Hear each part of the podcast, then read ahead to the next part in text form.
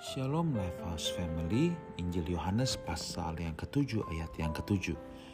Dunia tidak dapat membenci kamu, tetapi ia membenci aku. Ya, aku di sini Tuhan Yesus, aku huruf besar. Sebab aku bersaksi tentang dia, dianya huruf kecil, bahwa pekerjaan-pekerjaannya jahat. Jadi jelas yang dimaksud dengan dia di sini adalah kegelapan. Ya, yang dimaksud dengan dia di sini ialah iblis.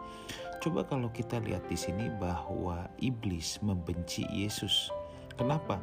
Sebab Yesus bersaksi tentang dia. Nah, bersaksi di sini adalah menunjukkan bahwa pekerjaan-pekerjaan iblis itu adalah pekerjaan-pekerjaan jahat.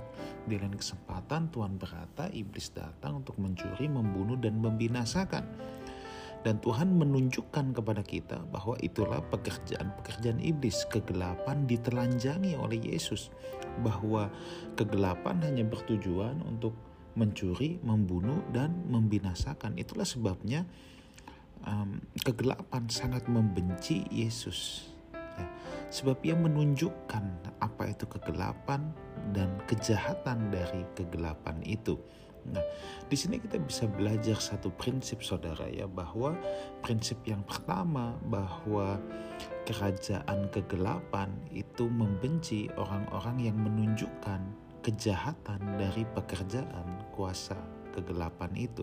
Nah, yang kedua prinsipnya adalah dengan cara apa kita menunjukkannya, yaitu tidak ada dengan cara lain selain kita harus datang atau melakukan perbuatan-perbuatan terang ketika kita melakukan perbuatan terang, maka perbuatan gelap otomatis akan terekspos.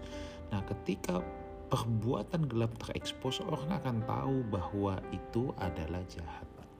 Ayat ini diawali dengan kata dunia tidak dapat membenci kamu, tetapi ia membenci aku. Dengan kata lain bahwa dahulu dunia atau kegelapan tidak membenci murid-murid Tuhan Yesus, tidak membenci orang-orang Yahudi pada saat itu. Kenapa? Sebab mereka belum melakukan terang. Ya. Mereka belum berbuat terang, kejahatan tidak diekspos. Nah, selama kegelapan tidak diekspos, dia tidak ada masalah. Dia dia tidak akan menjadi ofensif kepada kita tetapi ketika kita mengekspos dia dengan perbuatan-perbuatan terang, maka kegelapan akan offense back. Nah, jadi apa yang bisa kita belajar juga bahwa ketika kita mau menjadi pelaksana kehendak Tuhan, menghidupi, melakukan perbuatan-perbuatan terang, maka kegelapan tidak akan senang. Kegelapan akan ngamuk, kegelapan akan uh, mau menyerang balik kita. Tetapi kita tidak perlu takut sebab Alkitab berkata roh yang ditempatkan di dalam kita lebih besar daripada yang ditempatkan di dalam dunia ini. Selama kita tidak melakukan pekerjaan-pekerjaan terang yang mengekspos kegelapan itu, dunia tidak akan membenci kita. Dunia akan santai aja dengan kita.